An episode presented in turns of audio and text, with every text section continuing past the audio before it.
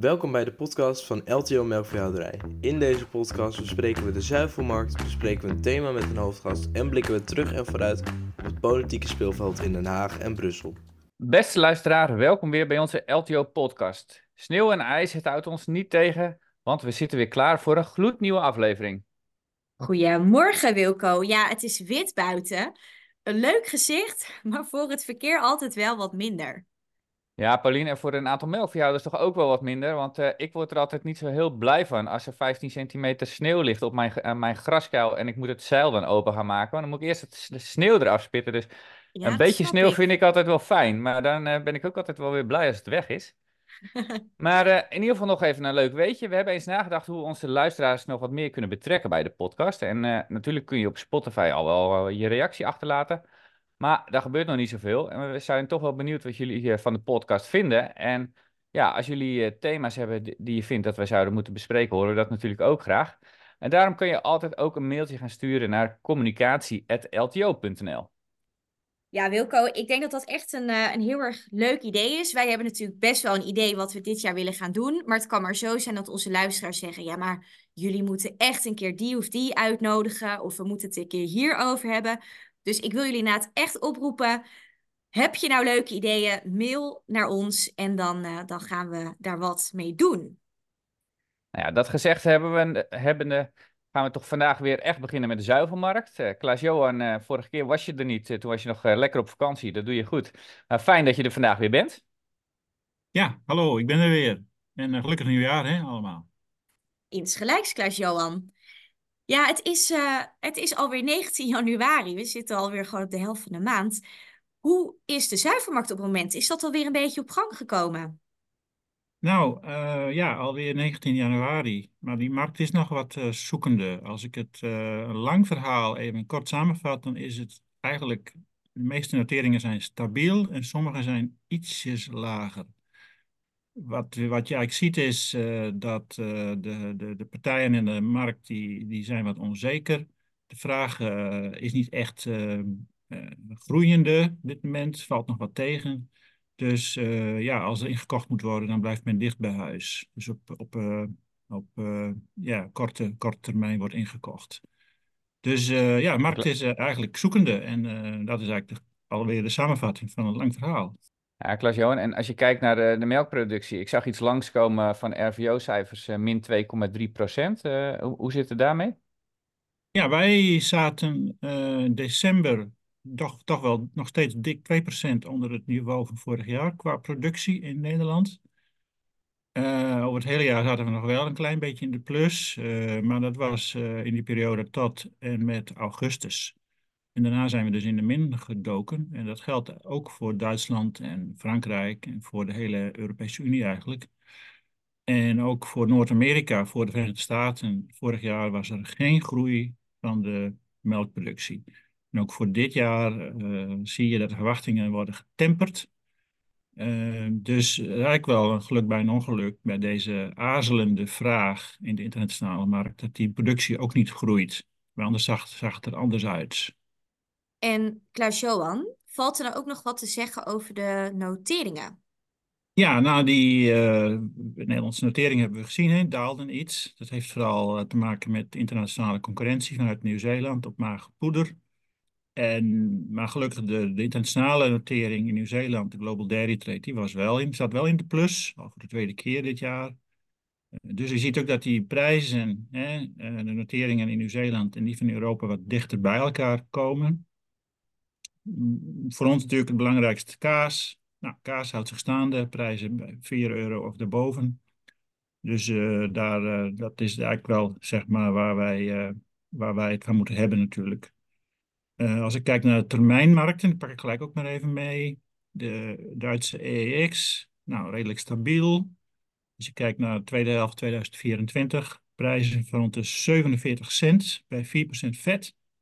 Dus dat is hoger dan eind vorig jaar. In Chicago iets, iets lager de laatste, de laatste weken. En Klaas-Johan, zie je dan ook nog uh, grote verschillen met, uh, met de vraag wat er wereldwijd gebeurt?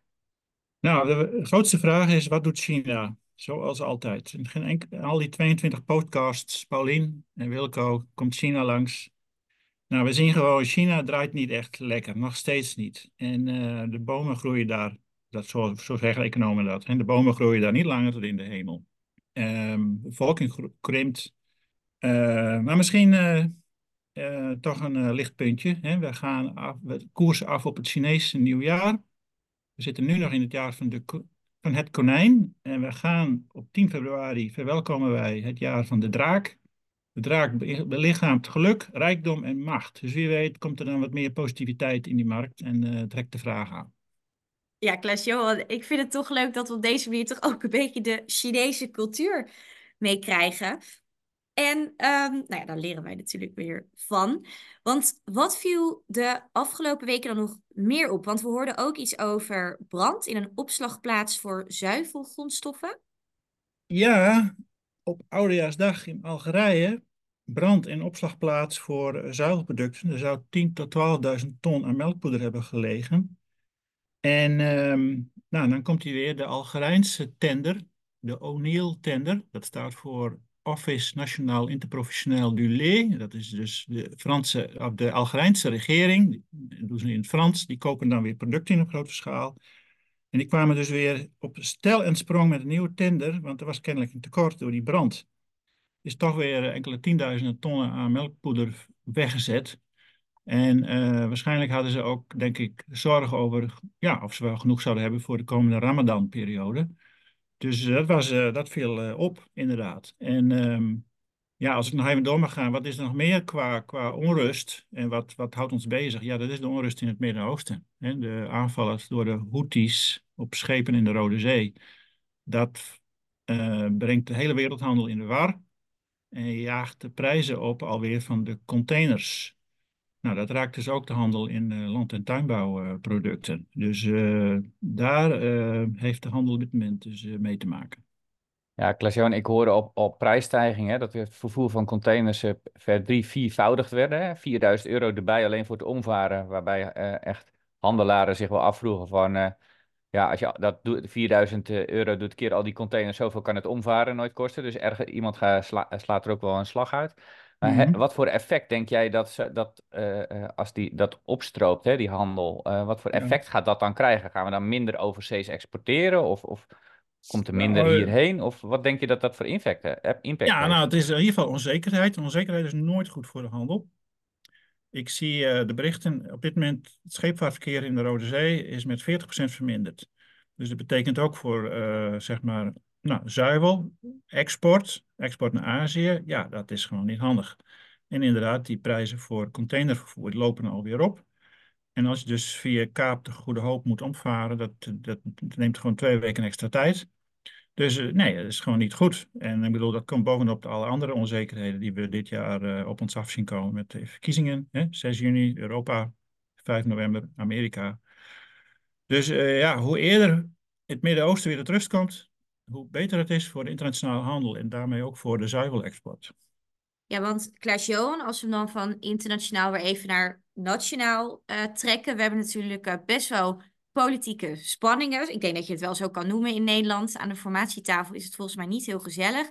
Wat, ja, opkoopregelingen ook dit jaar, hoe, hoe gaat dat dan invloed hebben? Ja, in Nederland, nou, we we hebben natuurlijk, uh, iedereen, die, de luisteraars volgen natuurlijk dat ook op de voet. Uh, begin januari waren er kennelijk ruim 300 melkveehouders met interesse in de opkoopregelingen, LBV en LBV+.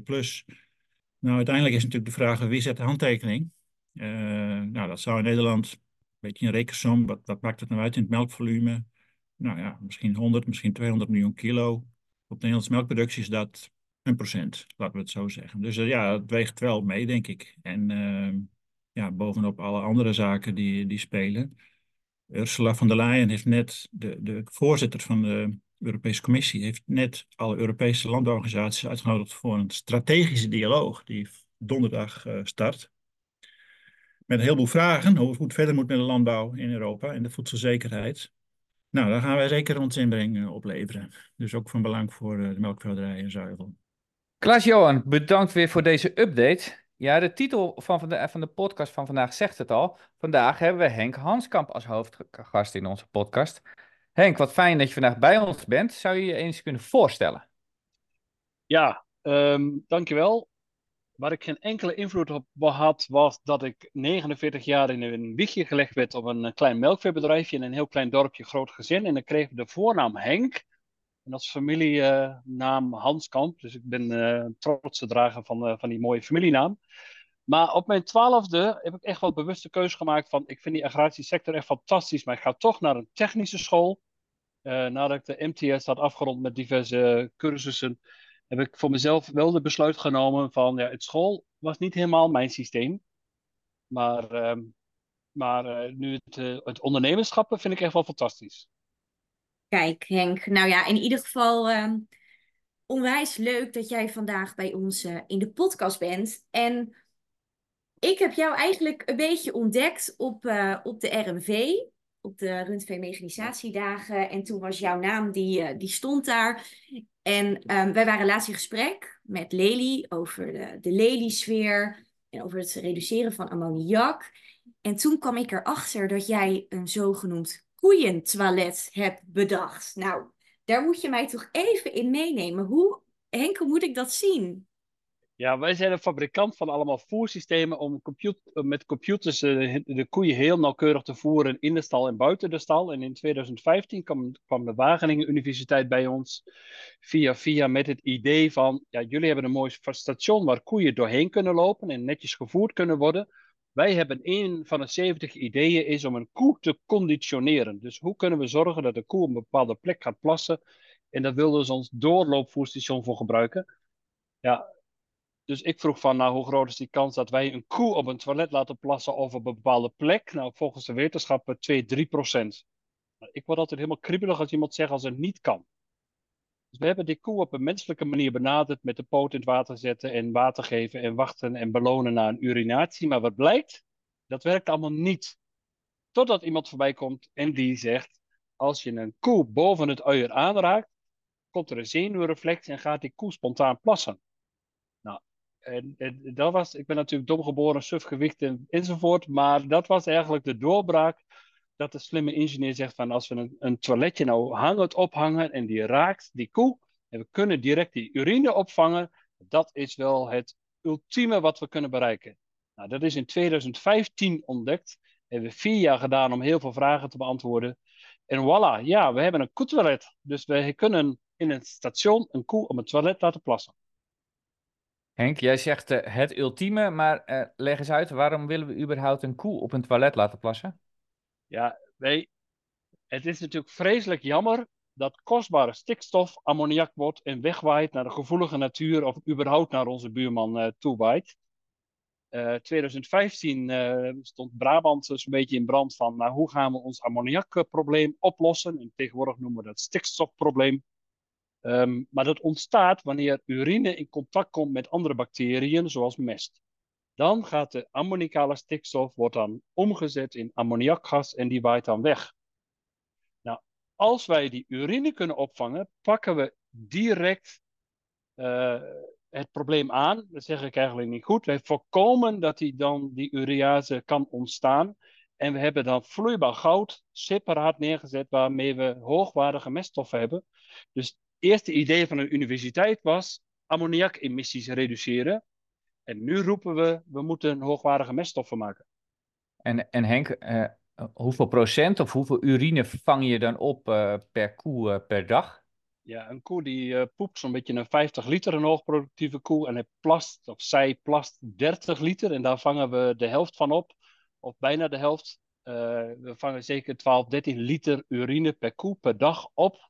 En daarmee reduceren we ook uh, zo'n percentage, rond de 41 procent. Dus niet rond, maar dat is 41 procent nu vastgesteld door de Wageningen Universiteit. En daar zijn we ontzettend blij mee dat we eigenlijk ja, wetenschappelijk bewezen emissie-reducerende techniek hebben. En dan, uh, Wageningen heeft dat nu uh, bewezen, dus nou, dan kom je in, in richting de RAF-systematiek dan. Hebben jullie dan ook een officiële RAF-code gekregen voor dit systeem? Ja, wij hebben een voorlopige emissiefactor en die staat op uh, 8,4 kilogram per koe per jaar. Die is voorlopig, dus we zitten nu in het proces naar de definitieve emissiefactor. Uh, die zal, zal wel best wel wat lager uit, uh, gaan vallen. Dat zijn wel wat, wat trage processen, moet ik zeggen, bij RVO. Ehm, dus ja, wij vallen onder de norm 8,4. Dus wij, wij zijn erkend met die voorlopige emissiefactor als een erkend emissiearm systeem. Maar als ik nu met provincies en overheden praten, en die zeggen ja, mooi dat je een RAF-code hebt, maar we vinden het veel belangrijker dat je borgen kunt. Want we weten natuurlijk allemaal dat dat het grote thema is. Hoe kunnen we dit borgen? Nou, en daar zijn we heel blij mee dat de Wageningen Universiteit dit vanuit de emissies heeft aangetoond dat het werkt en vanuit de meststoffenbalans heeft aangetoond dat dit werkt. En daarnaast heeft er ook een diergedragsdeskundige meegekeken van hoe, hoe valt dit? En we zijn ontzettend blij met die drie positieve resultaten. Ja, want Henk, wat betreft dierenwelzijn, draagt dat daar dan ook nog aan bij?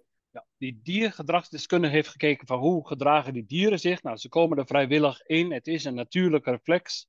Uh, en, en daarmee uh, doen we die koe geen pijn. Uh, het is vrijwillig. Het is een natuurlijke reflex. Dus er is geen negativiteit te lezen uit dat rapport. En nou ben ik natuurlijk melkveehouder, Henk. En dan wil ik ook natuurlijk graag weten, is het ook nog een beetje een betaalbaar systeem? Hè? Hoeveel stroom gebruikt dat nou? En kan ik het ook nog een beetje terugverdienen als melkveehouder zijn? Ja, dat is, dat is ook een hele goede vraag. De waarde is wel veel hoger dan de prijs, Wilco. Maar we moeten natuurlijk kijken, ja, het is een investering, maar wat gaat het ons opleveren met elkaar? En als wij die urine nu met deze mestafzetprijzen voor 0 euro weg kunnen zetten, omdat we daar heel druk bezig zijn om daar een markt voor te creëren. Want we hebben urinebank.nl opgetuigd en we staan op diverse beurzen in de kwekerijwerelden om echt die crossover te maken tussen de melkveehouderijsector en een tuinderswereld. En ik kom achter dat wij als melkveesector zitten in een bubbel, maar die tuinders zitten ook in een bubbel. Die tuinders moeten vergroenen. En de tuinders die verbranden nog vreselijk veel aardgas om synthetische kunstmest te maken. En die zijn echt wel geneigd om te luisteren naar ons verhaal van wij hebben hier een natuurlijke meststof. Die heeft geen onkruidzaad. Die is rijk aan kali en stikstof. En kunnen jullie daar wat mee? En, en nu lopen er vijf pilots met diverse kwekers en boomkwekers. En die nou, die zijn nu twee jaar bezig om met urine hun planten te bemesten. En ja, de inkoopwereld is super laaiend enthousiast en ook die sector is enthousiast. Er zit wat koudwatervrees, want ze zijn natuurlijk helemaal gewend om precies achter de komma met synthetische meststoffen te gaan werken. En nu moeten ze toch even wat ruimer gaan denken. Nou Henk, ik ben heel benieuwd uh, hoe dat uh, uiteindelijk verloopt. Maar jij hebt natuurlijk ook nog een andere innovatie namelijk um, de Vrij Levenstal. Nou, op de RNV kon je door een soort paadje lopen. Ja, dat heette iets van de innovaties voor de toekomst. En dan konden we stemmen. Maar ik zag zo even een filmpje en ik dacht, nou, dat is toch wel, wel echt heel, weer heel iets anders ook. Ik ben wel benieuwd, hoe, hoe ben jij daarop gekomen? Hoe is dat ontstaan, begonnen?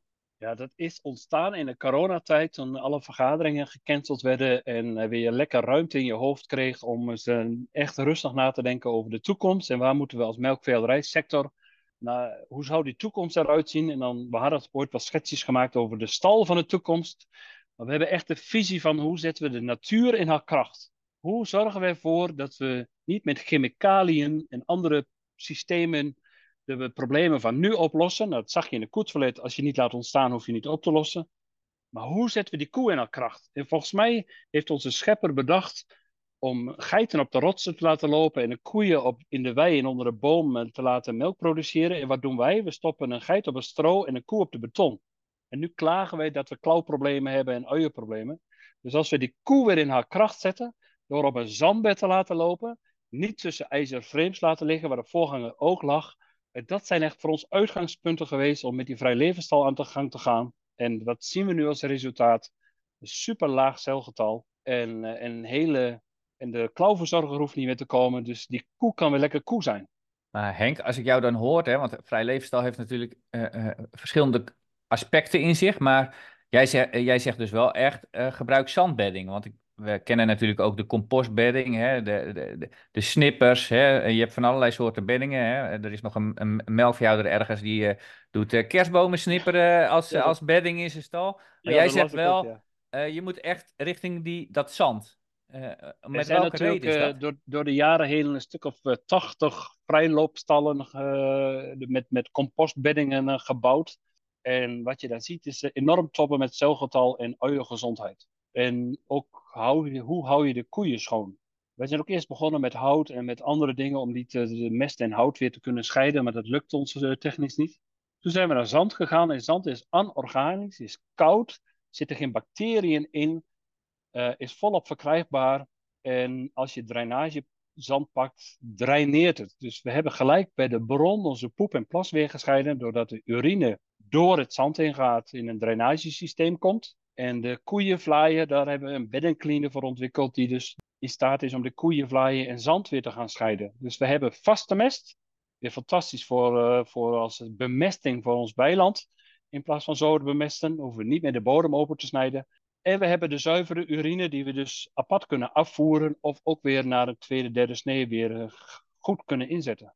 Ja, want Henk, over die bedding cleaner. Ik ben zelf een akkerbouwdochter en ik vond het er bijna een soort uitzien als een soort rooimachine. Maar hoe ben jij uiteindelijk tot zoiets gekomen? En ik vroeg me daarbij ook wel af, misschien meteen maar als tweede vraag. Als het natuurlijk vochtig is, wordt dan, hè, want in dat filmpje wat ik zag, was dan die fly, die wordt dan harder en daarom blijft hij dan op die bedding zo liggen. Maar ik dacht, ja, we hebben nu natuurlijk zijknatte maanden gehad.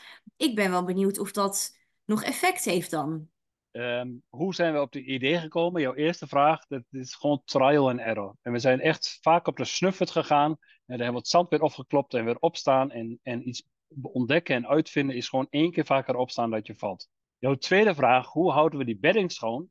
We hebben een gigantisch nat najaar gehad. En dat hebben we ook wel gemerkt. Dus je ziet dat je die toplaag echt wel één, twee keer per jaar, misschien wel drie keer per jaar de toplagen weer af moet halen, de bovenste vijf centimeter, om weer op een schoon stuk zand te komen. En dan vul je hem weer aan. Want met elke keer cleanen neem je uiteraard ook zand mee. En dat weer afvoeren.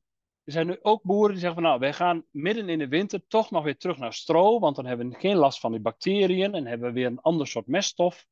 Dus dat is ook weer een mogelijkheid, want je hebt natuurlijk gewoon een hele vrijloopstal waar, uh, ja, waar je volop ruimte hebt, waar je ook met andere dingen kunt doen. Dus we zijn ook wel aan het experimenteren van kunnen we nog bovenop het zand in de winterperiode een droge stof brengen, of gaan we blazen, of gaan we met wat anders doen. Maar als we naar het dier kijken, uiengezondheid, dan komen we constant weer op zand uit. En Henk, jij hebt het over verschillende meststoffen. Hè? Dus dan heb je natuurlijk die urine die je opvangt in de drainage. Ja. En uh, daarna natuurlijk wat je met die bedding cleaner haalt. Dat is natuurlijk de mestvlatten zeg maar met zand. Maar stapel je, kan je, is dat stapelbaar of hoe sla je dat dan, uh, dan op? Ja, dat sla je buitenop, uh, liefst onder een afdak. En het is een, tot een anderhalve meter stapelbaar en dan, dan begint hij wel uit elkaar te zakken. Dus het mooiste is wel een soort sleufsilo. En, en het is wel heel mooi dat je dat al heel vroeg in het voorjaar als vaste mest met je vaste meststrooier als het ware over het land kunt strooien. En omdat het geen stro is, kruimelt hij gelijk tussen, de, tussen het gras door. Die heb je met de maaien en harken en schudden, vind je hem niet terug. En dat is met ruwe stroomest natuurlijk wel eens weer een uitdaging. Hoe zorgen we ervoor dat als we dan weer uh, gaan hooien, dat we, dat, we, dat we het niet meer harken? Ja, dus Henk, ook met dat natte weer krijg je die messen dus wel goed uit, maar moet je dus vaker dat zand. Het vraagt in de, in de winter wel echt meer aandacht dan in de zomer. En nu hebben we een paar dagen vorst gehad en zeiden de boeren van zo, dat kun je merken. Als de zon en de ja. wind weer even komt, dan gaat die toplaag die droogt, uh, droogt uh, heel vlot op. Ja. Maar het ja, is en... wel heel belangrijk om, om het schoon te houden, om die urine, die 30 liter, die moet je gewoon weg kunnen draineren, anders wordt het een padbinde. Ja, en jij noemde net al even uh, ook nog de geitjes. Nu dacht ik wel van ja, zeg maar als ik sectorbreed dan even kijk, zou deze stal dan ook bijvoorbeeld voor de geitenhouderij een uitkomst zijn? Wij hebben het getest met geiten en de conclusie is het gaat niet. Oké. Okay. Wij, krijgen, wij krijgen de geitengeutel er niet uitgezeefd, die valt uit elkaar en dat zijn net allemaal van die krenten en ja. dropjes en die vallen door de zeef heen en het resultaat was nul. Dus we hebben het vastgelegd en, uh, en iedereen die het vraagt is resoluut nee, helaas. Oké, nou ja, elke geithouder die dan nu luistert, die, uh, die weet dat dan, uh, dan ook meteen. Um, ik zat ook nog even te denken, hè, als we dan hebben ook over, over emissies en over fosfaat. Zie je nou dan, hè, jij zegt net het, het plas en, het, en, en, en de mest wordt natuurlijk goed gescheiden. Heb je dan ook al cijfers ook, dat het zeg maar de emissies reduceert? Dat dit echt een, uh, nou ja, we kijken natuurlijk allemaal naar de toekomst en hoe dat dan moet. Zou dit dan een soort holy grail kunnen zijn? Wij hebben uh, het RAF-protocol bekeken. We hebben één uh, RAF-meting gedaan in een stal. Maar in die open stallen, omdat we 20 vierkante meter per koe hebben, is het niet te meten met het huidige RAF-protocol. Omdat de stallen te open zijn en de koeien die liggen altijd als kudde bij elkaar. Die liggen dan in die hoek en dan in die hoek. En de meetdeskundigen zeggen van dit is niet meetbaar omdat je, de koeien zijn niet verdeeld over de stal. En de stal is zo open we meten echt zo ver achter de komma met de CO2-balans dat het niet meetbaar is. Dus die hebben we aan de kant gedaan. We zijn wel uh, met de universiteit met een boxmetingen bezig geweest en oriënterende metingen. En daaruit blijkt dat we echt wel aannemelijk stikstof reduceren, maar ook als we naar de broeikasgassen kijken, dat we heel veel reduceren. Omdat we geen koolstof en geen zuurstof toevoegen aan die bodem en de mestvlaai er dagelijks uitpakken en de urine is weg. Als een koe plast op de beton, dan heb je een heel groot cirkel wat helemaal besmet en besmeurd raakt door het gespetten. Plast een koe op het zand, heb je echt maar een, een, een tegeltje, zo'n klein besmeurd oppervlak en dat is met een minuut weg. Terwijl de emissies ontstaan uh, eh, 24 uur lang. En is dat dan ook, uh, uh, Henk, het grootste struikelblok wat er nog is om de vrij levenstal echt breed te gaan toepassen in de melkveehouderij? Dat die RAF-systematiek eigenlijk moeilijk of, of niet te krijgen is? Ja, we hebben geen RAF-code nodig, omdat je voor een vrij levensstal een ontheffing is dat je niet hoeft te voldoen aan de stikstofnorm. Dus iedereen die een uh, vrij levensstal vergunning aanvraagt, die krijgt hem. En die wordt gewoon gewaardeerd op 13 kilo. Dus je kunt daarmee niet uitbreiden, intern of extern salderen. Maar je krijgt wel een vergunning op basis van die vrijstelling dat je zoveel investeert in dierwelzijn, dat je niet hoeft te voldoen aan de stikstofnorm. Dus zolang die uh, regeling nog in de wet verankerd zit, uh, kunnen wij uh, melkveehouders helpen met vergunningen. En dan nog wel een vraag, Henk. zand kennen we natuurlijk wel langer in de boksen. Hè? Ik bedoel, er wordt hier en daar ook wel gebruikt. Um, toch zie je ook wel dat zand natuurlijk bijvoorbeeld een nadeel heeft als je kijkt naar bijvoorbeeld het melksysteem en zo. Hè? Van, van zand door leidingen heen, slijtage in een robot. Nu hebben jullie natuurlijk een paar draaien. Heb je daar al iets dat je zegt van nou, uh, ja, zand, zand heeft ook wel een bepaald nadelig effect op de slijtage van de melkrobot, of, of is dat nog wel, valt dat nog wel mee? Als je een nieuwe melkrobot koopt en je geeft het aan bij je dealer, dan, heb je gewoon, dan weten ze van, oh, daar moeten we kunststof of stalen kettingjes gebruiken en dat gaat gewoon goed. We hebben ook een gebruiker die heeft een oud type robot met hele lange slanggeleiders. En die zegt, het zit elke keer vast en het schuurt helemaal kapot. Ja, en Henk, als je kijkt naar de stal aan zich, hè, ik heb even wat plaatjes bekeken. Ik heb open stal gezien. Ik heb ook een soort ja, kasachtig iets gezien.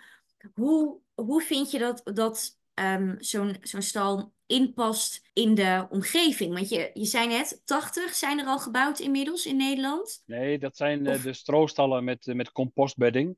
Oh, Momenteel uh, met vrij levensstallen hebben we de vijf draaien in Nederland. En er zijn er heel veel in, in de aanvraag momenteel. Ja, maar hoe, hoe zie je dat, dat inpasbaar in de, in de omgeving? Het is toch wel een ander gezicht. Ja, wij bouwen eigenlijk geen stal. Dus wij, wij hebben dat, dat concept bedacht om een koe op het stand te laten lopen in plaats van uh, in de lichtboxen te laten liggen. En wij hebben wel wat sfeerplaatjes, die heb je gezien. Dat is een soort kassenbouw of een roundhouse of uh, een, een houten stal. Maar of die, wat die boer daar van bovenbouw op zet, dat is aan die melkveehouder en zijn adviseurs en, en, en bouwbedrijf wat die adviseren. Maar wij zeggen wel, geef die koe 18 vierkante meter zand en achter het voerhek nog wel hardigheid, zodat hij daar niet helemaal wegzakt. Uh, maar doordat je een heel groot oppervlakte nodig hebt, ja, dan wordt de vierkante meterprijs wel heel belangrijk. En daarom is, is, is een, uh, een, uh, een veestal of een, een boogstal of zo financieel veel aantrekkelijker als een hele stalen robuust dak als je dan kijkt naar de bouwkosten, zijn die dan uh, vergelijkbaar? Want je hebt natuurlijk eigenlijk een heel ander mestopslagsysteem nodig. Eigenlijk geen mestkelder, misschien een ander soort stal. De bouwkosten is best heel interessant. Uh, wat ik nu hoor van de melkvelders is dat die goedkoper is. En dat zit hem vooral in dat we geen kelders nodig hebben, geen emissiearme vloeren, geen beton, geen stalinrichting. Dus eigenlijk, als je op het zand woont of op de klei, dan, dan graaf je iets af. Je legt een folie, drainage erin en je gooit er zand op en dat is je stal en je zet er een paraplu of een dak boven. Op veengebieden, daar heb je natuurlijk wel meer te maken met dat het zakt enzovoort enzovoort. Dan moet je wat bijvullen of het zakt scheef of je moet hem helemaal gaan funderen. Nou, in Duitsland, daar zeggen ze van we moeten daar 25 centimeter beton onder hebben. Daar staat een regel, maar in Nederland is een folie of een dubbele folie genoeg. En Henk, is dan De, de kuddegrootte, maakt dat ook nog uit voor jouw staltype? Want er draaien er een aantal. Ik ben er bij eentje geweest. Volgens mij was dat een kuddegrootte voor één melkrobot. Hè? Dus dat zijn er zeg maar 60, 70. Kan, er, kan je ook zo'n stal bouwen voor 300? In Stolwijk draait het met 150 koeien. Eh, ik zie wezenlijk geen verschil. Het is gewoon opschalen. Dus je hebt meer voerrek, je hebt meer beton, je hebt meer lichtruimte daarvoor. Nee, en, we hebben met traditionele melksystemen en robotmelksystemen. En eh, wij zien geen hindernissen daarin. Wat we wel horen is dat eh, de haalkoeien veel minder zijn met, met de robots. Koeien hebben, laten goed hun tocht zien. Staan altijd stroef op de betonnen vloer, omdat er altijd de stand meekomt. Dus geen glijpartijen en, en dat soort risicovolle dingen. Ja, want Henk, qua diergezondheid zeg je van, nou, qua klauwgezondheid gaat het er echt op vooruit. Qua uiergezondheid, zijn er nog meer dingen die je dan ziet? Of, of qua melkproductie of... Ja, de melkvelden die nu twee jaar draait, zegt mijn, eh, mijn eh, ouderdom, hoe noem je dat ook alweer, eh, de, de koeien langer meegaan. Maar dat kunnen we natuurlijk na, nu na twee jaar niet echt keihard maken. Maar de verwachting is, wanneer voeren we een koe af? Dan gaat het om uiergezondheid en klauwgezondheid. En dat is vaak de reden dat de koe afgevoerd wordt. Nou, en dat is precies, aan die schakels werken we natuurlijk keihard aan om die koe weer in haar kracht te zetten. Om die koe op het zand te laten lopen in plaats van op de natte beton. Dus wij denken dat de levensduur wel, eh, wel eh, zeker toeneemt. Henk, nou hebben we natuurlijk twee innovaties van jou gehad, hè? het koeientoilet en, eh, en de vrije leefstal. Zie je ook dat het buitenland heel erg kijkt naar de innovaties waar jullie mee bezig zijn? Of, of is het toch vooral Nederland? Nee, zeker buitenland. Dus we hebben eh, ook in Australië zijn ze heel druk bezig. Daar hebben ze best wel last van klimaatverandering. Vreselijk nat is en vreselijk droog is. Ze hebben natuurlijk daar eh 20 uur beweiden. Dus we zitten meer te kijken, kunnen we op de, op de farm zelf daar nog een zandbedding maken? Of gedeeltelijk overdekt of niet overdekt. Zodat we in hele natte en hele droge periodes die koe op het zand kunnen houden. Op het erf. En zo hebben we uit Frankrijk, Italië draaien nu ook de eerste bedding cleaner. Ja, zeker ook uit het buitenland. En onze markt vanuit Hanskamp is ook 80% is export voor ons. Mhm. Ja. Nou Henk, ik heb echt onwijs veel geleerd, maar dan is toch wel een beetje de hamvraag van vandaag. Heeft elke melkveehouder over tien jaar een vrij levensstal gebouwd? Haha, ja, als je nu net een nieuwe lichtboekstal gebouwd hebt, die mag je nog 30 jaar afschrijven.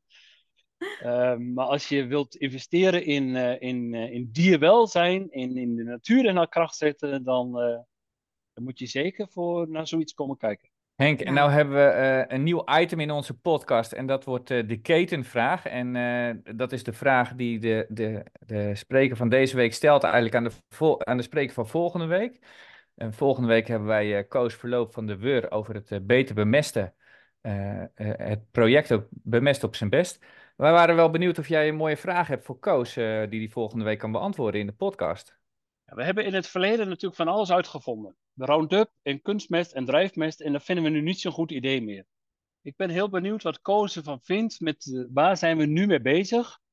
En de universiteit is best wel heel technisch bezig met allerlei dingen en met, met onder andere biogasinstallaties. Wat zouden we over twintig jaar ervan vinden dat we die mest bewerken en kraken? Of moeten we veel meer gaan ontdekken van hoe is het ooit bedoeld en wat kunnen we daaruit leren? En ik ben heel benieuwd naar de visie van Koos daarop. Nou Henk, ik ben ook eh, heel benieuwd. En daarbij denk ik zo een mooie afsluiting. Ik wil jou hartelijk danken voor eh, alle informatie vandaag. Ik heb eh, een hoop geleerd en ben eigenlijk ook wel heel enthousiast om een keer te gaan kijken bij zo'n vrij levensstal. Dus dat is wel iets moois voor, voor dit jaar. Ja, op de Dan- website ze hebben we een uitnodiging staan. We hebben bustochten georganiseerd. We hebben zoveel kijkers wat dat we niet aan kunnen. Dus meld je aan voor, eh, voor een bustripje en je wordt een dag verzorgd en dan kun je diverse stallen bekijken. Superleuk. Nou, Wilco, daar moeten wij eh, maar eens even over hebben. Dat lijkt mij een leuk uitje zo voor ons. Nou, in ieder geval Henk, onwijs bedankt. Ja, dan is het nu tijd voor onze Haagse update met Sander. Ja, Sander, wij weten dat, eh, dat een LTO-delegatie naar ongeveer het evenement van het jaar is, namelijk de Grüne Woche. Kun jij ons even meenemen wat daar gebeurt en wat we daar doen? Ja, eh, ja, de Grüne Woche, dat is de grote agrarische beurs in eh, Berlijn. En ongeveer iedereen die er toe doet binnen de agrarische wereld in Nederland, die zit momenteel dus in Berlijn. Om daar met elkaar eh, ja, vooral te spreken. Eh, het is toch vooral zo'n moment om elkaar te, te, te leren kennen, te, te zien. Nog even eh, bu- buiten het programma even snel aan te schieten. En ondertussen achter zo'n dweilorkest als Kleintje Pils aan te gaan en kaasblokjes te ontvangen van vrouw Antje. Um, wat dat betreft is het echt gewoon een, een, beurs zoals je ze ook wel in Nederland kent. Um, tegelijkertijd, het gaat ook over de inhoud. Eh, LTO, die uh, vandaag bij het opnemen op vrijdag, uh, zal LTO samen met de Vlaamse Boerenbond een, ook een moment op de inhoud organiseren. En dat gaat over onze oproep voor een nieuwe Europese voedselstrategie. dus buiten alle frivoliteit is het ook nog een, dat we dan ingaan op zaken als voedselzekerheid, over het strategisch belang van voedsel. En de oproep van ja, hoe gaan we ervoor zorgen dat we hier in Europa met een half miljard mensen, met dingen als klimaatverandering, uh, met steeds minder boeren, toch zorgen dat we uh, nog ons voedsel hebben de komende 10, 20, 30, nou, eigenlijk nog de komende eeuw. Uh, dus dat is wel een hele boeiende sessie. Waarbij nou, Kamerleden zijn daar aanwezig, ambtenaren zijn daar aanwezig, boerenorganisaties. Dus wat dat betreft is dat een moment waarbij iedereen samenkomt om ja, over dit belangrijke onderwerp te spreken. En ongetwijfeld gaan we dat ook weer vaker terugzien als het debat gevoerd wordt in Den Haag. Sander, nou is natuurlijk, uh, heb je het uh, Nederlandse paviljoen, hè? dus dat is natuurlijk een, een Nederlands feestje. Maar is het dan ook de plek, zeg maar, om, om nieuwe internationale coalities te sluiten en te kijken wat er in andere landen speelt? Ja, op zich is elk land vertegenwoordigd met het paviljoen tegelijkertijd, eerlijkheid gebied te zeggen, het is vooral Nederland dat echt met zo'n idioot grote groep daarheen gaat. In Nederland is het echt gewoon provinciale ambtenaren gaan erheen, politici uit de provincie en landelijk. Um, die enorm brede groep, ja, dat zie je niet vanuit elk land. Dus dat is echt, Nederland heeft er bij die beurs wel echt een aparte positie wat betreft de afvaardiging. Maar tegelijkertijd, ja, elke organisatie zal daar aanwezig zijn. Dus ongetwijfeld dat het ook voor mijn internationale collega's een mooi moment is om uh, nieuwe contacten op te doen. Ja, en misschien wel even grappig voor de luisteraar, want die heeft misschien nu een idee naar de Grune Woche, hè, met alle hoge piefjes. Je kan ook gewoon een dagkaartje kopen en dan kan je daar gewoon als, uh, nou, als leek ook gewoon heen. Dus vind je dat nou interessant? En je zegt, ik heb zin in een dagje Berlijn, dan kan dat dus. hey, maar wij hadden ook nog um, goed nieuws van de week wat betreft um, de GLB-gelden. Want volgens mij had Adema ergens een potje gevonden. Ja, dat is wel echt een goed begin van het nieuwe jaar. Um, we sloten vorig jaar 2023 af met toch een beetje in mineur.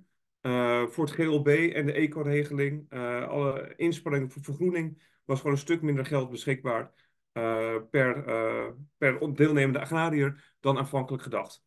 Grofweg 50 miljoen was daarvoor extra nodig. en er was onzeker of dat geld gevonden zou kunnen worden. En ook of de Europese Commissie akkoord zou gaan in verband met staatssteunregels en dat soort regelgeving.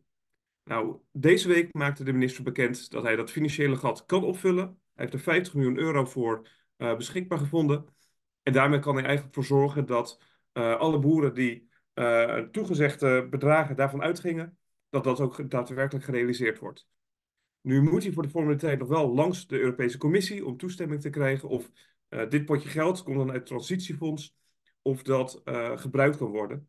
En zoals nu het ziet, ja, waarschijnlijk zal het wel lukken. De, uh, ook wat wij hebben gehoord van mensen die bij de Europese Commissie werken, zijn die best wel meedenkend hierin. dus nou, daar kunnen we blij over zijn. Tegelijkertijd, we doen ook wel de oproep naar de minister van zorg ervoor dat dit volgend jaar, of komend jaar eigenlijk, niet meer gaat gebeuren. Dus dan dat je van tevoren gewoon de prijs afspreekt en dat een boer die daaraan meedoet ook mag verwachten dat hij deze bijdrage krijgt voor zijn inspanningen voor vergroening en verduurzaming. Ja, inderdaad, uh, goed nieuws, Sander. als we het dan toch over geld hebben, aankomende weken staat ook de landbouwbegroting nog op, op de rit. we zitten natuurlijk in een, met een demissionair kabinet. Heeft zo'n zo'n bespreking van zo'n landbouwbegroting dan überhaupt nog wel zin? Ja, Kijk, uiteindelijk, je moet al, elk jaar moet er een nieuwe begroting zijn. Of er nou een uh, zittend uh, kabinet zit, uh, het kabinet is opgestapt, of het is het wachten op het nieuwe kabinet. Onder de streep, elk jaar moet de begroting weer geregeld zijn. Nu zagen we al met Prinsjesdag, in de derde, derde dinsdag van september, dat het wel een hele beleidsarme begroting is. Het is niet heel spannend. Wat erin staat, dat kennen we eigenlijk al wel. Maar tegelijkertijd, hij wordt wel besproken, dus wij hebben er ook wat suggesties op. Nou, een van onze oproepen uh, is toch wel dat er extra geld gaat naar vergroening. En nou, een mooie opsteker is wel dat uh, de ChristenUnie heeft uh, daarvoor een voorstel om toch een substantieel bedrag naartoe te voegen. Dat gaat over tijdelijk 100 miljoen extra voor agrarisch natuurbeheer. Nu is dat maar een tijdelijke keuze. Dus het is niet dat we daar elk jaar van uit kunnen gaan. maar dat is toch wel een hele goede bijdrage die erbij komt. dus dat zijn van die stappen die, nou, zeker omdat de Kamer nu veel meer aan zet is, dat toch nog wel wat verschil gemaakt kan worden. We gaan bijvoorbeeld ook hebben over het mestbeleid, de mestproblematiek, die toch wel de, de, de putten zitten vol en daar zoeken we ook meer ruimte voor. Onze oproep voor die Europese voedselstrategie, die uh, dus vandaag wordt gegeven in Berlijn. Ja, we hopen dat de Kamerleden dat meekrijgen voor over anderhalve week als de begroting besproken wordt. Ja, we zullen ook zien wat verder ook de Kamerleden zelf mee komen, want veel nieuwe partijen, veel nieuwe Kamerleden, dus ongetwijfeld hebben die ook hun eigen ideeën. Ja, dankjewel Sander. Ik zag dat de Kamerleden ook met de trein allemaal naar Berlijn zijn. Dus die kunnen mooi op de terugweg dan uh, onze voedselvisie is, uh, rustig alvast met elkaar bespreken. En uh, is dat alvast afgetikt. Nou ja, dan zijn we weer aan het eind gekomen van onze podcast van deze week. Ik wil Klaas-Johan, Henk en Sander weer hartelijk danken voor vandaag. Over twee weken zijn we er ook weer met een interessant onderwerp. En dan gaan we kijken naar hoe kunnen melkveehouders en boeren uh, beter bemesten. En dan hebben we Koos Verloop van het project uh, Bemesten op zijn best. Dus ook dat weer een, eh, in, wordt weer een interessante podcast. Dus ik zou zeggen tot over twee weken. Tot over twee weken.